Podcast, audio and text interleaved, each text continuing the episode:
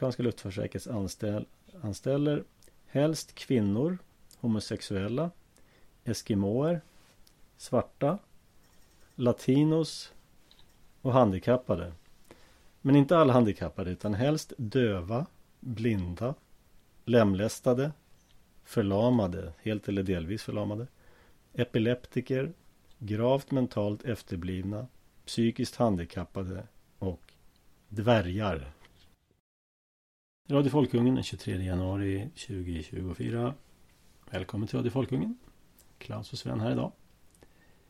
Ja, vi kom just från en liten presskonferens, både Sven och jag. Det är eh, AFS som annonserar sina EU-parlamentskandidater.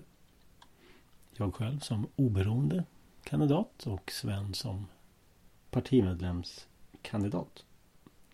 För den som är intresserad så går det säkert att till de här filmerna och spola tillbaks och se i efterhand. Där presenterar vi oss själva. Våra idéer. Bland annat. Som nästa steg tänkte vi gå rakt in på vår eh, stående punkt, den gröna bubblan. Och det rör sig mycket kring de här två eh, bolagen Northvolt och H2 Green Steel.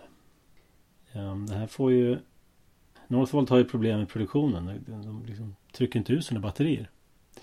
Och det här får tydligen efterverkningar på andra bolag också. Scania har vi sett tidigare som inte lyckas sälja några ellastbilar för det blir inga batterier. Men nu har det dykt upp ett annat fall här. Sven, du skrev några rader om det här någonstans. Mm. Det är det finns ju flera komponenter i den här gröna bubblan. Eh, batterier, litiumjonbatterier då, med, framförallt för fordonssektorn. Det är ju, det är ju en sak. Vindkraft eh, och andra märkliga sätt att producera elkraft på. Det är en annan sak. Eh, men det händer andra saker också. Ett sådant är konstgödsel. I tillverkning av konstgödsel så går det traditionellt väldigt mycket naturgas. Så att efter eh, det rysk-ukrainska kriget här och de effekter det har fått på den europeiska ekonomin då, framförallt genom korkade politiska beslut, så har eh, den, den, traditionella konstgödselproduktionen på kontinenten, den har lidit ont. Och jag kan inte lova att de siffrorna är korrekta, men det ska alltså vara ett tvåsiffrigt antal fabriker som har klappat igen. Det, det var jag hört i alla fall. Samtidigt så finns det massa sådana här gröna lurendrejare som vill tillverka konstgödsel med metoder som man kan saluföra som gröna. Och det är ett spanskt bolag som bygger en konstgödselfabrik någonstans i Luleå-trakten tror jag. Eh, Norrbotten i alla fall. Och det byggs även en konstgödselfabrik nära där jag bor. Eh, det vill säga kusten i eh, Ångermans, Ångermanlands övre del. Eh, Köpmanholmen heter samhället. Det är ett litet, väldigt litet samhälle. Ja, trevligt. Där går ju den här Höga Kustenleden förbi om man vill vandra. Ja, det stämmer. Det, är ett samhälle som har den lite halvt apokalyptiska Historiken bakom sig då. Det låg en, en, en, ett pappersbruk där helt enkelt och en kloralkalifabrik som det heter. Som då har satt sin prägel på ja, både ekonomi och kultur och inte minst miljö då med en hel del miljöproblem. Samtidigt så ligger det här samhället underbart vackert till då och börjar äntligen kan man säga eh, återhämta sig lite grann ifrån den här bruks, eh, bruksortsapokalypsen. Eh, de här fabrikerna stängde ner och det blev ja, väldigt tråkiga sociala och ekonomiska effekter kan man säga. Men här är man i full färd med att bygga en konstgödselfabrik. Ett företag som heter Sinis Fertilizer. När det här var på bygglovsstadiet så hävdade man att det var ett svenskt företag. Efter det att alla tillstånd och allting eh, fanns Så helt plötsligt så bytte aktier ägare och vips eh, så är det inte längre ett svenskt företag. Eh, jag kommer inte ihåg ägarstrukturen där på rak arm nu men det är sånt, ja, det är internationellt kapital. Det här går ju igen i hela den här gröna bubblan. Den exploateringen av Sverige av internationellt kapital. Eh, främmande bolag som bygger vindkraftsparker i svensk natur. Och sånt där. Ja. Det är, det är som en röd tråd genom den gröna bubblan. Var, var det inte Axel Oxenstierna som sa att i Norrland hafar vi ett, in, ett eget Indien? Ja, just det. Jag tror det finns. Det, ja, det var någon historisk svensk personlighet nära kungen som uttryckte sig på det sättet. Och man kan ju säga att så är det ju. Det är bara det att det är inte vi som har det.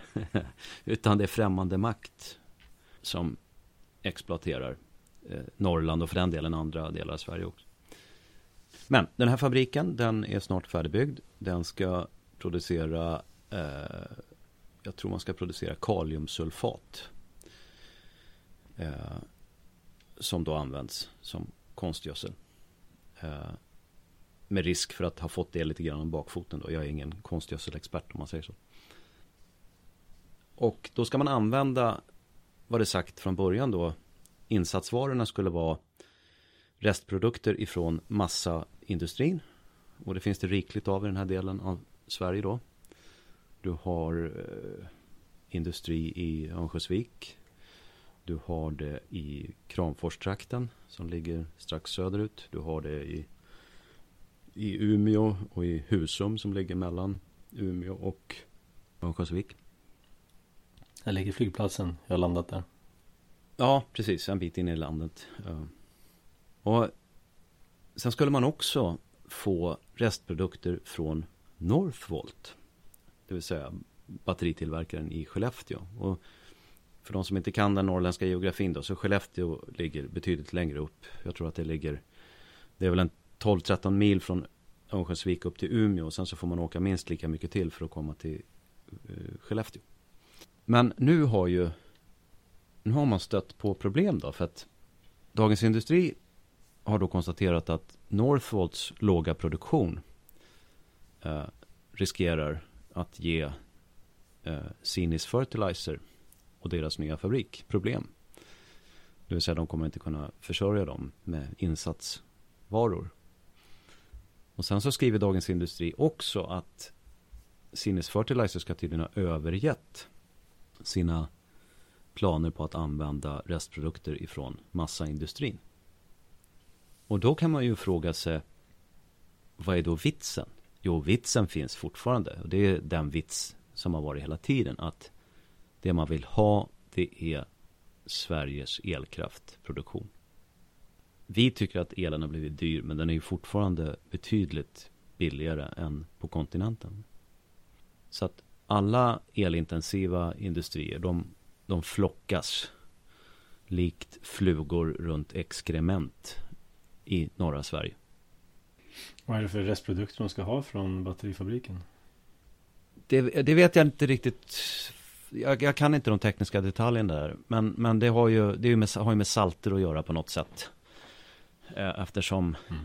eh, jag, jag, skulle tro att man uh, nu är det, min, nu är det hobbykemisten som pratar här. Men jag skulle tro att man använder kalium för att få ut det litium man vill ha på något sätt i, i, i produktionen av litiumjonbatterier. Men, men jag är osäker.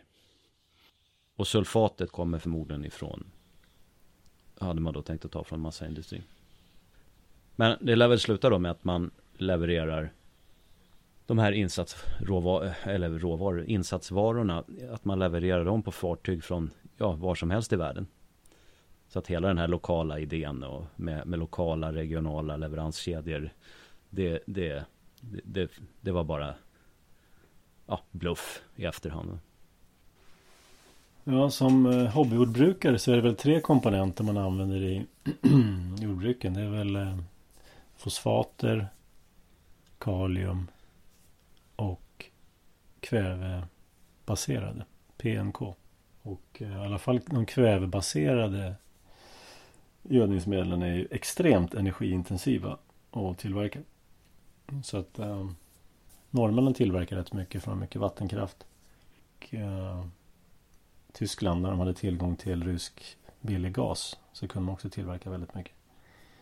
Men det där är ju slut med nu. Gasen används både som råvara och energikälla tror jag. Så att det här kommer i sin tur påverka priser på mat och, och så vidare. Och så vidare. Sen äter det sig igenom hela samhällsnäringskedjan.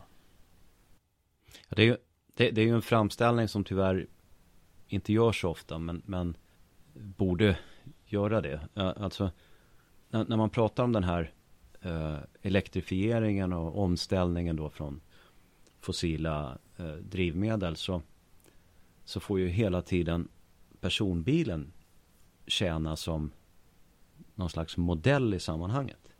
Bilen är viktig för individen och för hushållets mobilitet, alltså rörlighet, frihet. Det är frihet, det är frihet gentemot makten att kunna förflytta sig enkelt långa sträckor. Innan vi kunde göra det så hade makten oss på många sätt och vis i ett hårdare grepp. Vi hade en bättre organisation i samhället på grund av att samhället var mer lokalt. Men det fanns också en instängdhet skulle jag vilja påstå. Mm. Uh, men, men, men, bilen är grädden på moset i våra liv kan man säga. Analyserar man vad, vad de fossila drivmedlen har, har gett oss i välstånd så är det ju inom jordbruket respektive byggsektorn som de enorma välståndsökningarna har, har, har kommit till stånd. Så att mm. bonden, han har två saker idag och har haft de senaste ja, 80 åren eller så. Det är konstgödsel och det är diesel till sin traktor. Och det, det är de två sakerna som gör att vi utan att behöva arbeta ihjäl oss är mätta i magen. Och det förtjänas, förtjänar att lyftas mycket oftare. Därför att när, när, när de här eh, efterblivna klimataktivisterna limmar fast sig på motorvägen och, och, och ställer till spektakel så vad de borde göra det är att ha en diskussion med en debatt där man talar om hur ska vi lösa jordbruket? Eh, hur ska vi lösa skogsbruket? Uh, hur ska byggsektorn fungera? Du, du kan inte röja snö i Norrland med, med en hjullastare som går på batteri. Men, men de, de där frågorna lyser med sin frånvaro. Och när, när, i varje sammanhang där det intelligenta, relevanta, inte är närvarande och man ändå pratar med stora ord, då vet man att man är utsatt för charlataner och bluff och båg. Och, och så är det med den här gröna omställningen. Man kan säga att jordbruket omvandlar kolväten till kolhydrater. Om det är någon som undrar hur vi har råd med sex veckors semester så är det därför. Om det är någon som undrar hur vi har råd att sätta barn i skola i 15 år istället för att ha dem ute på åkrarna så är det därför. Det är därifrån välståndet kommer, inte från att vi har organiserat oss fackligt eller på något annat sätt eller röstat på rätt parti. Ja, det finns ju många exempel på det här gröna bubbleriet. En annan som jag såg här i förbigående, det var ju eh, det här grönstålsbolaget har ju fått precis som Northvolt har fått, har ju de också fått massa pengar då. De skulle få låna 48 miljarder kronor. Men som alltid med de här projekten, i och med att de inte är affärsmässigt gångbara, det vill säga de är oekonomiska, det vill säga de kommer aldrig tjäna en spänn. Så går då diverse staten eller överstaten EU in och garanterar krediterna. Så av de här 48 miljarderna så garanterar nu Riksgälden, det vill säga statens bank. Där staten, när staten tar upp statsskuld så går den till Riksgälden. Men nu får alltså privata företag låna i staten. Alltså kreditgaranti betyder att eh, de banker som går med på att låna ut pengar till det här bolaget de behöver inte göra förlust. Om det går med förlust ja, då går först kreditgarantin in. Och täcker upp då i det här fallet nästan en tredjedel av pengarna. Ehm, så att det är ju trevligt att kunna låna ut, pengar och någon annan garanterar och att du inte förlorar något. Det här är alltså inte kapitalism eller fri ekonomi. Det här är ekonomisk socialism. Ett annat exempel det var den här, ehm, det var något ett, en, ännu en småspararfavorit. Många småsparare som har just in pengar i den gröna bubblan. Nu är det något sånt här tidvattenenergibolag. Minesto. Som ska ta in ännu mera pengar. Fortfarande finns ingen produkt. Och man har bara genererat lite el. Finansieringen har kommit från bidrag och emissioner. Alltså aktiepengar. Ja, ja. Det är som vanligt med gröna bubblan. Men eh, dagens ämne egentligen är, vi tänkte prata lite om eh, vårt favoritämne här, demokrati. Eller ett av våra favoritämnen. Det publiceras en artikel idag på Folkungen av Cecilia Karlsson där hon tittar på demokrati ur ett väldigt um, nära perspektiv. Hur de små barnen får lära sig det här fantastiska sättet att fatta beslut. Och det var också en artikel här som kom häromdagen om supervalåret 2024 på SVT Nyheter. Jag läser ingressen här. Aldrig någonsin i historien har så många människor haft möjlighet att rösta i olika val som under 2024. Men att halva jorden håller val behöver inte bara vara positivt för demokratins utveckling. Alltså att man får välja är alltså inte demokratiskt bra. Vi har sett allt fler populistiska ledare som kommer till makten via demokratiska val. Som sedan nedmonterat demokratiska institutioner. Säger Anna Sundström, generalsekreterare vid Olof Palmes internationella center. I slutet av 2024 vet vi om demokratin överlever eller dör. En kommentar på det sen? Ja, det är det gamla klassiska att eh, folket får rösta men det blir gnälligt när de röstar fel. Ja, då kallar man det för populism då helt enkelt. När, när, när, uh, när folket väljer en inriktning eller en politisk uppfattning som etablissemanget tycker är förkastlig. Då är det ju populism. Och sen så måste man liksom vrida på equalizern, demokrati, equalizern för att liksom ratta in då folket så att de hamnar i, på rätt våglängd igen då. Och det, det som gör att det blir extra absurt i just den här, det här reportaget eller artikeln från Sveriges Television, det är att Olof Palmes internationella center och dess generalsekreterare Anna Sundström, det är ju en, det är en gren av socialdemokratin. Det är ju ett det är socialdemokratin helt enkelt. Så att SVT vänder sig helt enkelt till ett politiskt parti som får recensera hur, hur folk runt om i världen agerar i demokratiska val. Och det är naturligtvis absurt. Om man inte röstar socialdemokratiskt då får man naturligtvis stämpeln att vara populist då. Ja. Ordet populism kommer ju av folk och jag trodde att demokrati var själva förkroppsligandet av populism. Ja, det, det är alltså populism borde ju översättas till folklighet. Ja. ja. Men eh, det får inte, det, det är ju så här att om, om den folkliga, om det folkliga rättsmedvetandet säger att det är påkallat att ha dödsstraff i, i, för vissa brott. Att det finns vissa fall där det hade varit rätt med dödsstraff. Då kommer ju folket genast bli uppläxat av makten då. Och makten här, det kan man översätta till den politiska makten förstås, men även eh, eh, myndigheterna, kultureliten, inte minst, massmedia.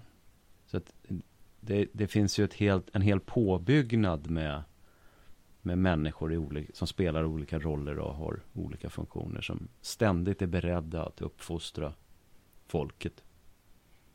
Ja, inte att förglömma överstatliga, internationalistiska, globalistiska krafter. Det med. Och, här, jag, jag tycker, för mig personligen så har det blivit väldigt viktigt att, hur ska jag säga, om man tänker sig, vi tar något sånt här globalt företag. Kommer du ihåg den här glassen, Ben Jerry? Ja, just det. Eh, ja, de, de skulle ju inta massa ståndpunkter. va. Och, och, jag tror ju inte att sådana där företag har något, vad ska vi säga, samvete eller någon moral va. Utan det de gör, allt de gör, det är ju för att tjäna pengar. Eh, och det är, inte, det är inte fel. Men det betyder att om, om de börjar moralisera, då är det därför att de vill de vill vara på så att säga rätt sida. Eh, det de uppfattar var på rätt sida i någon slags politisk konflikt. På det att de helt enkelt ska få bättre ekonomiska utfall det, det jag vill få fram det är att det spelar ingen roll om internationella rörelser, företag, eh, allt ifrån Ben Jerry då till World Economic Forum till vad det nu må vara. Deras motiv spelar inte så stor roll. Det är utfallet som spelar roll. Säga, vi, vi vill väldigt gärna eh, sysselsätta oss i tanken med, ja, finns det någon agenda? Eh, gör man det här för att det ska bli si eller så? Eh, det spelar ingen roll. Man ska fråga sig vad det, det, kan spela roll förstås, men man ska fråga sig vad utfallet blir och så ska man ta ställning till är det bra eller dåligt? Det, jag vet inte om det, det där var förståeligt, men... men jo, jo, jag förstår. Du, du menar att företag är amoraliska, de har egentligen ingen ståndpunkt annat än att tjäna pengar. Och är det köns uh, amputationer som gäller, då är det det man, uh, man kör då. Exakt. Är det, är det, ha, är, är det hakkors som gäller, då kör man på det. Ja. ja. Och vi ska inte hålla på och säga till dem att ni tror inte på det här transsexuella egentligen. Det är ett det är en återvändsgränd att hålla på så. Utan man ska säga att transsexualitet är, om något så är det psykisk ohälsa. Man ska liksom hela tiden fokusera på kärnfrågan och utfallet och inte på, inte spekulera i motiv och, och, och, och så vidare. Och det, det, det, det är för övrigt rekommenderar jag som en genomgående princip i livet. Det är ett bra sätt att få mer gjort. Det kallas för Hanlons Razor. Ungefär som Ockhams rakkniv. Så Hanlons rakkniv. Det vill säga Tillskriv inte ondska det som lika gärna kan förklaras med dumhet. Men dock tror jag att det finns jag tror att det skiljer sig lite mellan företag här och ägarstrukturerna. Alla de här, många av de här företagen då Blackrock och Vanguards eh, I deras portfölj Har ju blivit åtsagda från högre ort att hålla på med, vad heter det, EID eller vad det heter? Inklusivitet, diversity och jag vet inte. Ja, du vet. Mm. Så där tror jag absolut att det kan finnas, eh, att det kan finnas krafter. Man kräver inkvotering av kvinnor och amputerade och skalliga och sådär. Um, och så mediebolag tror jag nog kan köra väldigt långsiktigt och ha en agenda. Tidningar, inte minst Hollywood då, ehm, som har normaliserat många av de här avarterna, perversionerna och dekadensen. Det beror på vilken position man har på marknaden. Är man, är man dominerande som Hollywoodbolagen är eh, så, så, kan man kosta på sig sådana här saker. Så jag tror en blandning faktiskt. Ja, jo men om, om man, men, men jag tänker mer på e, enskilda konkreta eh, frågor.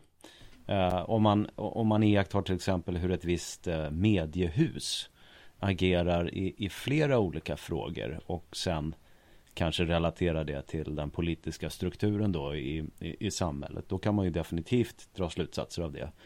Eh, eh, då kan det ju finnas agender som handlar om att eh, behålla makten eller att ta makten eller ja, förstöra de strukturer som möjliggör för oppositionen att existera och, och så vidare. Så, att, så, så är det absolut. Men, men eh, sådana här mer konkreta eh, frågor när skoföretag eller glassföretag ger sig in och, och ska ha en uppfattning i en viss specifik eh, fråga som är tämligen apart. Då, då... De sticker fingret i luften och känner vart det blåser och så följer de med bara. Precis.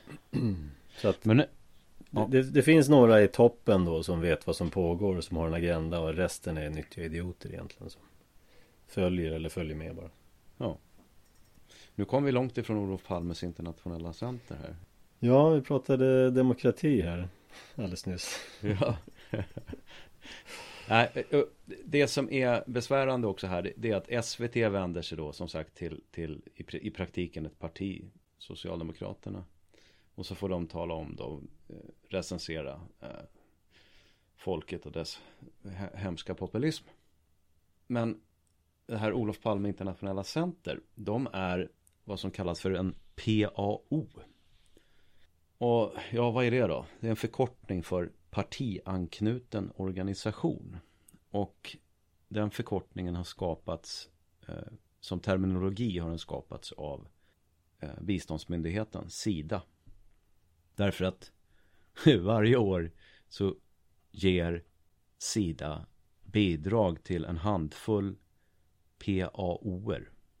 Och det rör sig om minst tvåsiffrigt antal miljoner. Jag tror till och med att det är tresiffrigt. Eh, och de fördelas då på PAOer som är knutna till, ja i det här fallet då Socialdemokraterna. Sen har vi eh, det här är väldigt anonyma organisationer så jag har glömt bort namnet på dem. Men det, Liberalerna och Centerpartiet har en tillsammans har jag för mig. Kristdemokraterna, Vänsterpartiet, Eh, Moderaterna har väl en också. Sverigedemokraterna har däremot ingen. Eh, och de här pengarna de ska då gå till vad vi kan kalla för demokratibistånd. Det vill säga de här partiboksinnehavarna på de här organisationerna de använder pengarna ute i världen för att sprida den svenska varianten av demokrati. Och man kan se det här som att det är illa nog att svenska skattebetalare ger iväg jag tror att det är upp mot 2 miljarder totalt varje år i partistöd. I, i, ibland så kallas det inte för partistöd men är i praktiken det. Men om man summerar alla de här bidragen som går till de politiska partierna och deras affilierade organisationer så, så är det upp mot, eller kanske till och med över 2 miljarder. Det är illa nog, men det är också så att vi måste betala partistöd till främmande makts partier. Vilket ju är naturligtvis det är helt befängt. Ja, Sida är en riktigt vidrig konstruktion. Den måste ju omedelbart krossas. Och, men den har en enorm betydelse som eh, När det gäller USA så använder man uttrycket den djupa staten. Och, ja, det är en del av den djupa staten. Ja, ja, Sida är ju alltså en fundamental del i den liksom, här politiska makten i Sverige där som liksom förgrenar sig in på myndigheterna och ett, ett tämligen korrupt samhälle men, men en, en, en, en väldigt särskild och annorlunda typ av korruption än vad du hittar i utvecklingsländer och, och, och, och så. Va?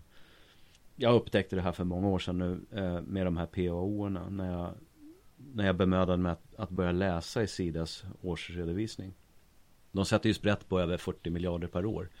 Så att eh, årsredovisningen är ju sjukt omfattande och jobbig att läsa. Och de har en helt egen, man, man, förstår att det är en egen värld därför att de har en, de har skapat en egen terminologi som, som gör att det är oerhört svårt att, att liksom sätta sig in i vad de menar. Mm. När de skriver då. Men då upptäckte jag det här med PAO och så tänkte jag, fan det här är mycket pengar. De måste ju naturligtvis redovisa de här organisationerna vad de gör med pengarna. Så att den redovisningen den begärde jag ut ifrån Sida och fick med Ja det är sällan jag har blivit så förvånad när jag håller på att rota någonting men Nu kommer jag inte ihåg vilken av de här organisationerna Det var en av de borgerliga i alla fall organisationerna När jag fick ut deras redovisning så jag ljuger inte när jag säger att mer än hälften var maskerad. Det vill säga den hade genomgått en sekretessprövning och sen så hade man censurerat bort hälften av innehållet. Det var bara svarta streck överallt. Det är bisarrt alltså. Mm. Och uh, jag är nästan säker på att en stor del av verksamheten de hade, det var uh, i Vitryssland. Och vad det handlar om, det är ju att uh, det är alltså subversion. Det är underminera Vitryssland och den politiska makten. Och att man gör det, det är ju för att den är Visst, Vitryssland är en eh, Det är en diktatur, det är, det är inget snack om saken. Men de, det, jag, jag, tror inte att Moderaterna bryr sig ett jävla skit om, om, om vitryssar. Va? Eh, och deras väl och ve. Utan vad man är intresserad av det var, det var att vara duktiga gentemot USA. Och då vill man så långt det går underminera ryskt inflytande. Va? Och därför gör man så här. Ja, Men, absolut. Ja. Sida, de, de, de, har haft sin motsvarande aktivitet i, eh, på Balkan framförallt. I Serbien och jag tror Albanien och Kosovo. Det är därför man hittar så pass mycket eh, bosniska och albanska namn i Socialdemokraterna. Därför att man lär de här folken redan nere på Balkan att, att eh, de är så att säga välkomna i Socialdemokraterna. Och, och eh, Olof Palme Internationella Center då, de, de, de har en omsättning på 190 miljoner ungefär och av dem så kommer, hör jag för mig, 165 miljoner från Sida. Vilket är ju helt sjukt. Alltså, det ska ju föreställa vara någon typ av medlemsorganisation då affilierad till Socialdemokraterna och Socialdemokraterna är ett politiskt parti. Men det är skattebetalarna som finansierar hela verksamheten. Skickligt. Alla dessa brösttoner om rysk påverkan på amerikanska och europeiska val. man borde hålla, hålla väldigt ja. låg profil i det här egentligen. Om man... ja. nu, nu är vi där igen. Det är, det, det är okej okay när vi gör det. Ja, det... visst är det okej okay när vi gör det. Absolut. Ja. Jag tycker en, en sak vi bör slå fast här nu. När vi pratar om demokrati. Och det här är ju väldigt vanligt att man blandar ihop demokrati med frihet. Bara för att jag har rätt att rösta vart fjärde år Eh, så har jag fått lära mig att jag är fri. Som jag brukar säga, om jag fick rösta vart tionde år, vore jag fortfarande fri då? Mm. Eller vart femtionde år, vore jag fortfarande fri? Var går gränsen för när jag är fri? Mm. Hur ofta måste jag få rösta? Eh, och I stort sett handlar det om att majoriteten har rätt att förtrycka minoriteten. Så hur kan det vara frihet om jag tillhör minoriteten? Det finns ett bra citat av Hans Hermann Hoppe som lyder så här. Nu ska jag försöka översätta det i realtid. Demokrati har inget att göra med frihet. Demokrati är en mjuk variant av kommunism. Sällan i idéhistorien har det ansetts vara någonting annat. Mm. Demokrati är ju ingen ny idé men under andra tider så har man ansett det vara någonting mycket farligt. Och uh, inte minst de som skrev den amerikanska frihetsförklaringen och sedan eh, konstitutionen vill ju absolut und undvika det här till varje pris. Att det skulle bli pöbelvälde, det vill säga demokrati. Men uh, så har inte vi fått lära oss. Det här är höjden av statskonst och frihet. Civilisation. Ett demokratiskt land behöver inte vara ett fritt land. Det, det, är liksom, det är viktigt att förstå det. Alltså man kan inom ramarna för den, det beslutsfattande som demokratin är. Det, det är ett sätt att fatta beslut. Så kan man skapa ett väldigt ofritt samhälle. Och omvänt så kan ett odemokratiskt samhälle erbjuda stor frihet för individen och dennes hushåll. Precis. Att, det finns inga, det här är ju inte på matematisk engelska så skulle man ju säga det här är inte en one-to-one och on-to funktion. Det är egentligen två separata egenskaper hos ett samhälle som, som inte ska, man ska inte acceptera att de falskeligen blandas ihop då av våra, av, av samtidens eh, bluffpolitiker. Ja, och sen så blandas det här ihop då med massa värderingar. Man talar om demokratiska värderingar. Demokrati är folkstyre, punkt. Precis. Sen, sen, sen vad det är i praktiken, det, ja, det är en sak. Va? Är det representativt, är det direkt eller är det att man lämnar folk i fred och folket får styra sig själv. Men att då blanda in värderingar i det här, i alla dessa varianter och möjligheter av vad det här kan betyda eh, är ju helt vansinnigt. Som till exempel anses då yttrandefrihet vara en demokratisk värdering. Samtidigt då som de demokratiskt valda inskränker den här yttrandefriheten på alla möjliga sätt. Eh, med hets mot folkgrupp, lagar och förbud mot... Ja, EU ska ju förbjuda nu massa hat och hot och sådana saker. Va? Eh, EU, den här demokratiska förebilden. Så att eh, ja, du kan ha en så kallad demokrati men ingen yttrandefrihet och, det, och inget privatliv och own nothing and be happy. Ja. fortfarande vara demokratiskt. Men man brukar väl säga att eh, den mänskliga civilisationen eh, uppstod i Mesopotamien. Ja. Och det är då 5000 år sedan. här står det mellan floderna Eufrat och Tigris. Just det. Du, du kan säkert mer äh, än det där än jag eftersom du är skolad i Bibeln. Men 5000 år sedan, då, då fick vi de första liksom städerna och eh, där man kunde ha liksom en, en, en, kultur där inte livet bara var att samla mat eller bara att odla och slita. Utan det fanns en, en del i alla fall av mänskligheten som, som, som tänkte på andra saker än brödfödan.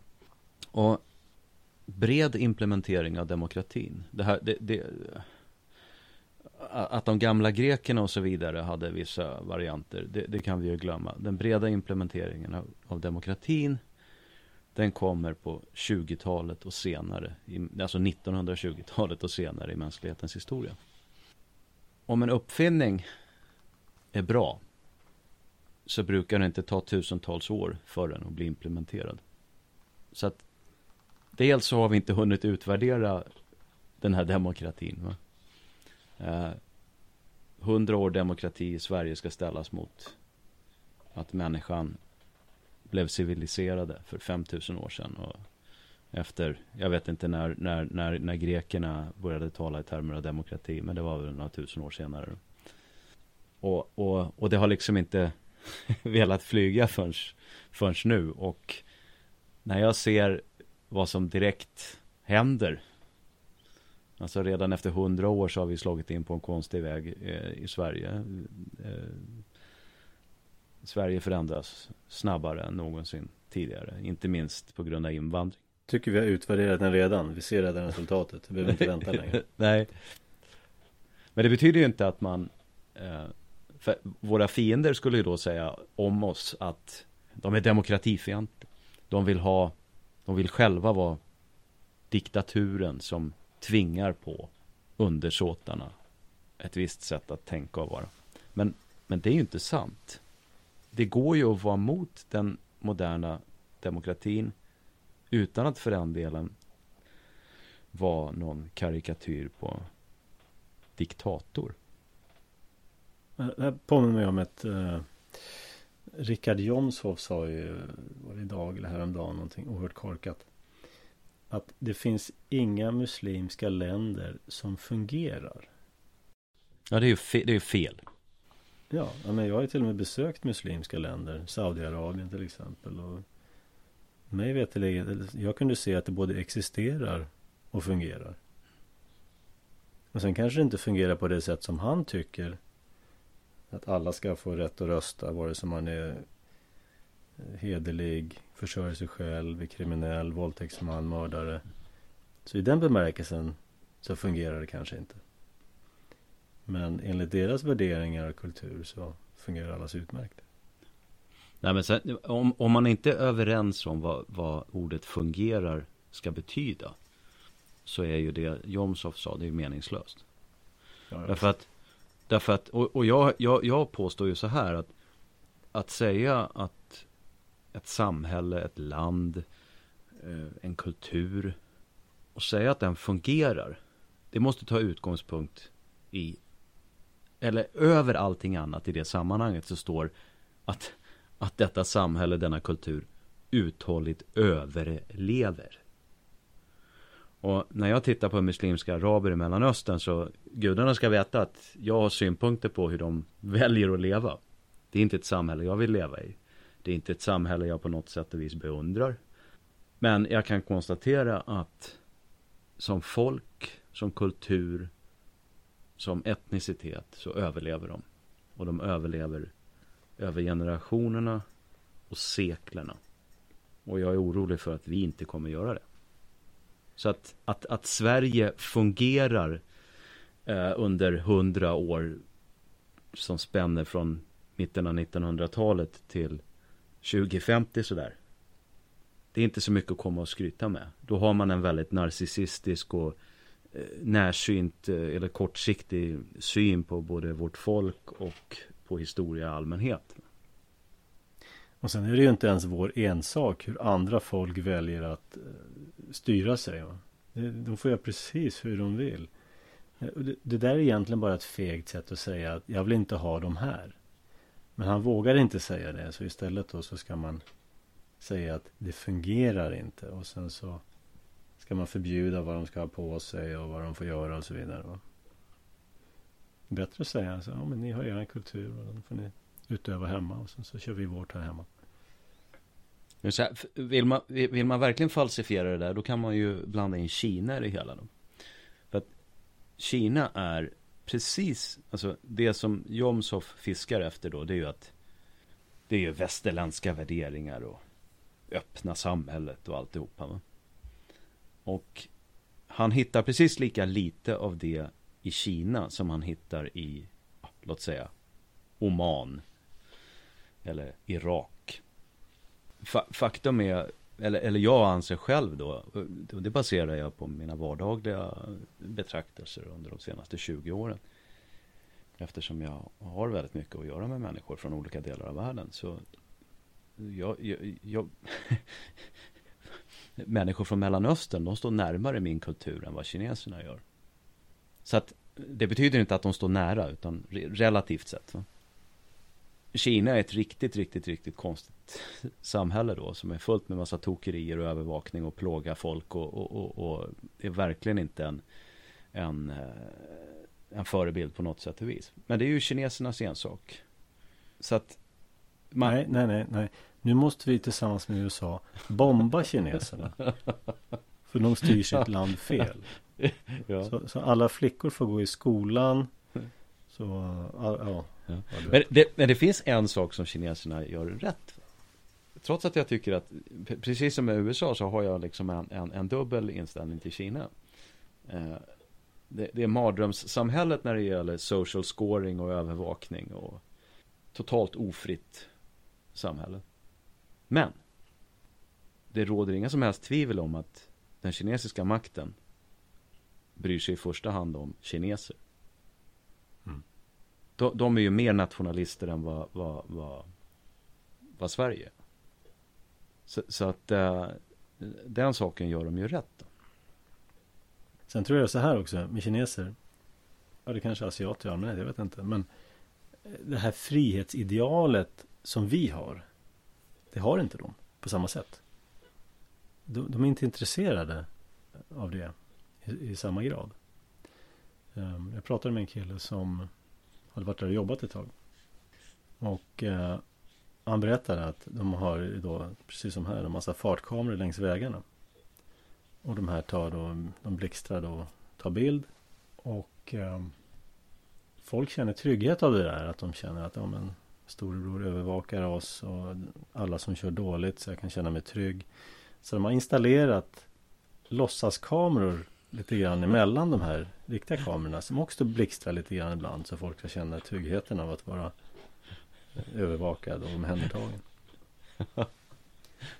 Så att eh, så det är helt olika, vi har helt olika ideal.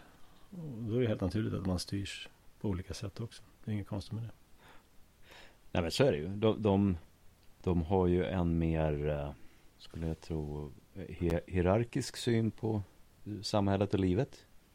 En mer eh, ödesmättad eh, inställning. Och därmed lättare att acceptera, så att säga, sin plats i, i, i samhället. Det, det, tror jag definitivt. Och det är på gott och Intressant. Ont. Du nämnde det här med att samhällets överlevnad borde ju vara det ultimata kriteriet på ett samhälle som fungerar. Mm. Och um, den, som, den som läser Bibeln, eller Gamla Testamentet speciellt, den kommer upptäcka att huvudfrågan där, som den sysslar, som den ägnar sig åt, det är hur ska vårt samhälle överleva? Mm. Och därför hade man då vissa regler som man höll sig till för att säkerställa sin överlevnad. Bland annat hedra din far och din mor för att du länge ska få behålla ditt land. Så att um, det är ett viktigt kriterium. Men jag ska också säga det att min, min kritik mot demokrati Egentligen är det lite för att jag är motvalls. Om alla springer åt ett håll då måste jag se mig omkring och säga vänta nu här, det är något, här är någonting lurt. Um, och det här är ju så hyllat då, inte minst i Sverige, att det här är jättebra. Är man flera människor så måste man fatta ett beslut på något sätt. Och um, Problemet här som jag brukar återkomma till och kanske har tjatat sönder det är att det har med storleken att göra. Jag ser inget problem med att man i ett bolag tillämpar demokrati på en bolagsstämma eller att, med en, att man i en by eller kanske till och med en stad röstar om en väg eller någonting. Däremot när du gör det här till en i det här fallet en Sverigefråga med 10 miljoner människor eller EU med inte vet jag hur många hundra miljoner människor där din röst betyder noll. Och det här mm. systemet lätt kapas av fientliga intressen eller intressen som totalt inte bryr sig om dig. Då blir det problematiskt. Men i liten skala då är demokrati lika ofarligt som en diktatur. I stor skala så blir båda livsfarliga. Tänk dig en global diktator eller en global demokrati. Det vore lika vansinnigt. Man kan ju se det så här. Du, I varje sånt här demokratiskt sammanhang så är du en Din röst är en andel. Och ju fler andelar det är desto mindre är din röst värd. Precis som i ett aktiebolag. Om du har en aktie, desto fler aktier i bolaget det blir, desto mindre värd blir din aktie. Såvida inte bolaget, allt annat lika.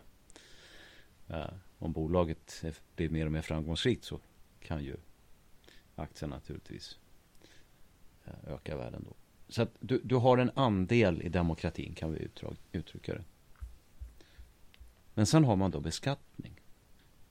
Som är liksom den andra dimensionen i det här. Där, där det offentliga tar helt enkelt en andel av din ekonomiska aktivitet kan vi säga. Och de här två sakerna bör läggas ihop. Därför att desto mer det allmänna tar av dig, desto större allmän, äh, andel du får pytsa in i det allmänna och inte bestämma över själv. Desto viktigare är det ju att värdet på din röst är betydande. Och omvänt, om du bara betalar en krona på hundralappen i skatt så kommer du förfoga över nästan allt det du tjänar själv. Och ditt intresse av värdet på den här rösten blir betydligt mindre. Och vad har vi då haft för utveckling i, i Sverige och även i Europa då? Jo, mer och mer centralisering av makten. Alltså först genom diverse kommunreformer då, slå sönder. och Flytta makt till, till regioner, flytta makt till riksdagen. Sen medlemskap i EU, flytta makt till Bryssel. Mer och mer av vår lagstiftning stiftas där. Och parallellt så har då skatterna ökat. Och de fortsätter att öka i Visst, de har backat lite grann i Sverige då sen sen toppen på, när det nu var, 80-talet eller så. Men i gengäld så har ju flera kontinentala länder kommit ikapp och gått förbi.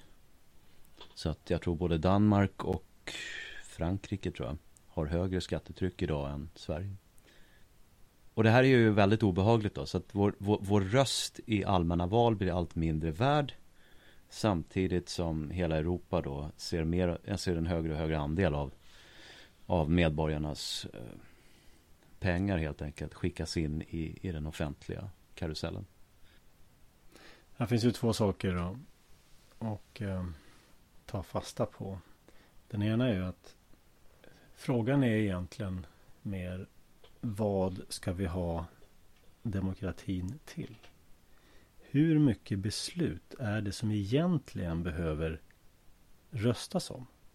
Och vad kan överlåtas åt den enskilde som grundlagen uttrycker det? Det allmänna kontra den enskilde.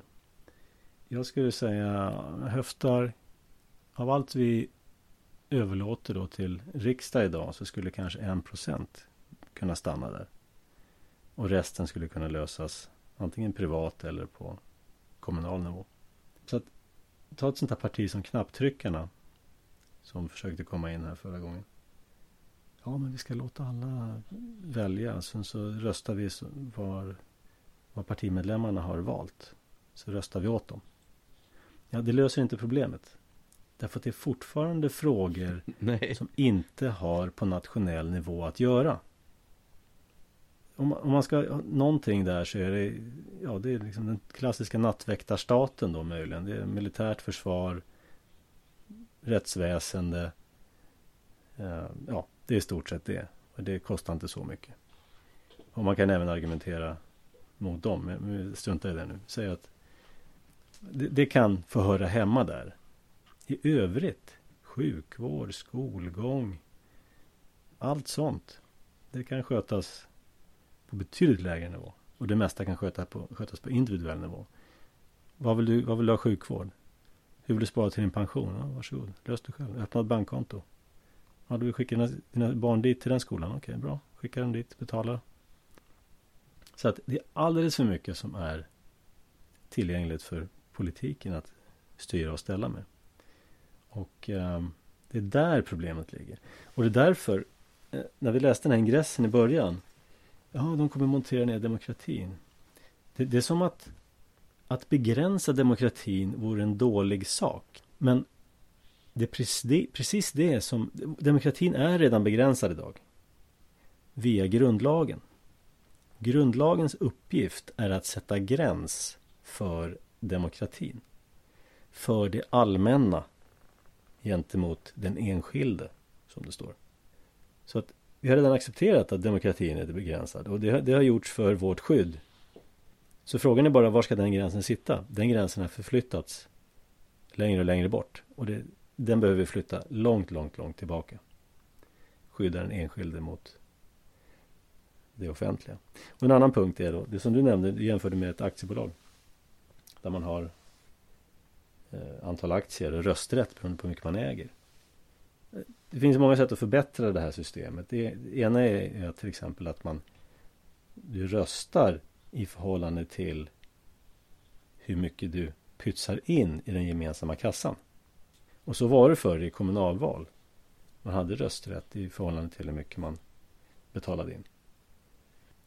Och, och en annan sak är ju då den här allmänna rösträtten. Att alla ska rösta. Att det, som att det vore någon dygd. Att man låter alla möjliga dårar vara med om att besluta om din framtid.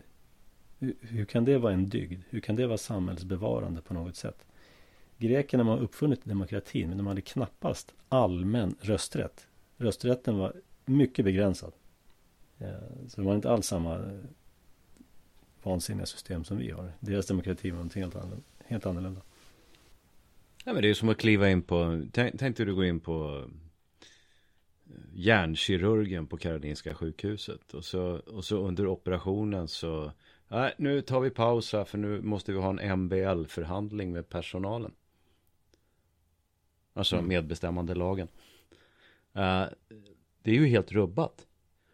Det är naturligtvis ingenting som skulle ske, men, men i vårt politiska system så är det ju precis så det går till. Va? Att du får inte någonstans ha auktoritära beslutsfattare som, är, som har, vars auktoritet sitter i kunskap, färdighet, erfarenhet. Utan allting ska röstas fram och då ska även vaktmästaren vara med och rösta så att säga. Det, det, är inte, det är inte rimligt. Det är inte rimligt att mördare har rösträtt. Det är inte rimligt att människor som eh, kanske, kanske har psykisk ohälsa är satta under förvaltarskap. Ja, men de får vara med och utse våra ledare. Men de får inte ta hand om sina egna slantar. Jag menar, det är ju groteskt. Och, och hela det här systemet är fullt av sådana här inkonsekvens, eh, alltså inkonsekventa förhållanden då. Och, och det, jag, jag, förstår inte hur man kan hävda att det är viktigt att vi ska ha förtroende för det här. Alltså, då är man ju inne på det här charlatanområdet. Va? Att Valmyndigheten säger att det är viktigt att förtroendet för valsystemet upprätthålls. Jaha, men vad fan, det är väl viktigt att vi har ett fungerande politiskt system och det ska vara fungerande i en rad olika aspekter. Men nej. Nej, precis. Men som jag ser det så är det här ett sätt att uh, ett sätt för maktövertagande helt enkelt. Jag har inte större. Det är ett väldigt bra sätt att styr media, styr läroplanen. Låt folk rösta vart fjärde år. De tror att de är fria, de gnäller inte och sen kan de göra vad de vill. Ja, visst. Och jag menar, om vi då säger 1921. Det finns anledning att ifrågasätta det när det gäller rösträttens införande då. I alla fall i vissa detaljavseenden. Men, men det, det är liksom good enough att ha som säga att dem, demokrati då som vi känner den idag, den infördes då. Ja men det är drygt 100 år nu. En generation, det är 30 år. Så det är, det är drygt tre generationer som har passerat. Längre tid är det inte. Och det är ju ingenting. Alltså tre generationer.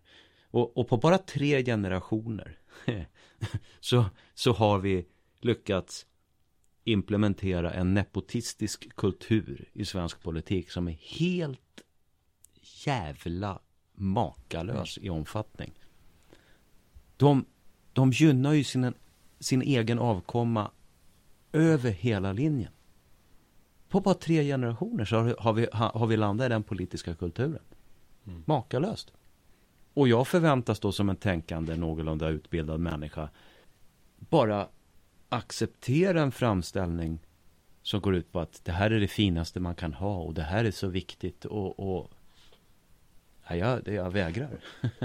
det, här, det här, jag vägrar. Det här sprider ju en röta i samhället också det här med um, ja, både nepotismen och uh, inkompetensen. Att alla har rätt till allting. Som är ett ganska kul exempel. Här. Amerikanska transportstyrelsen, eller Luftfartsverket. Federal Aviation Administration, FAA. De har ändrat sin eh, anställningspolicy. Eh, och sin eh, inkluderingspolicy. Så jag citerar här nu. De har vissa prioriterade grupper då som de letar som de helst anställer. Och det lyder så här. Amerikanska luftfartsverkets anställ, anställer helst kvinnor, homosexuella, eskimoer, svarta, latinos och handikappade. Men inte alla handikappade utan helst döva, blinda, lemlästade, förlamade, helt eller delvis förlamade, epileptiker, gravt mentalt efterblivna, psykiskt handikappade och dvärgar. och detta är alltså på allvar? ja, ja, det går att se på deras hemsida. Du kan leta upp min Facebook där, jag har alla länkar.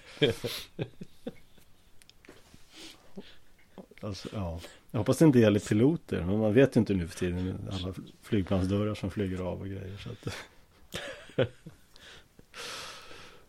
ja, helt eller delvis förlamade. Dvärgar. Jag trodde dvärg förresten var fult att säga nu för tiden. Ja. psykiskt Ja. gravt mentalt efterblivna. Ja. Ja, du ser.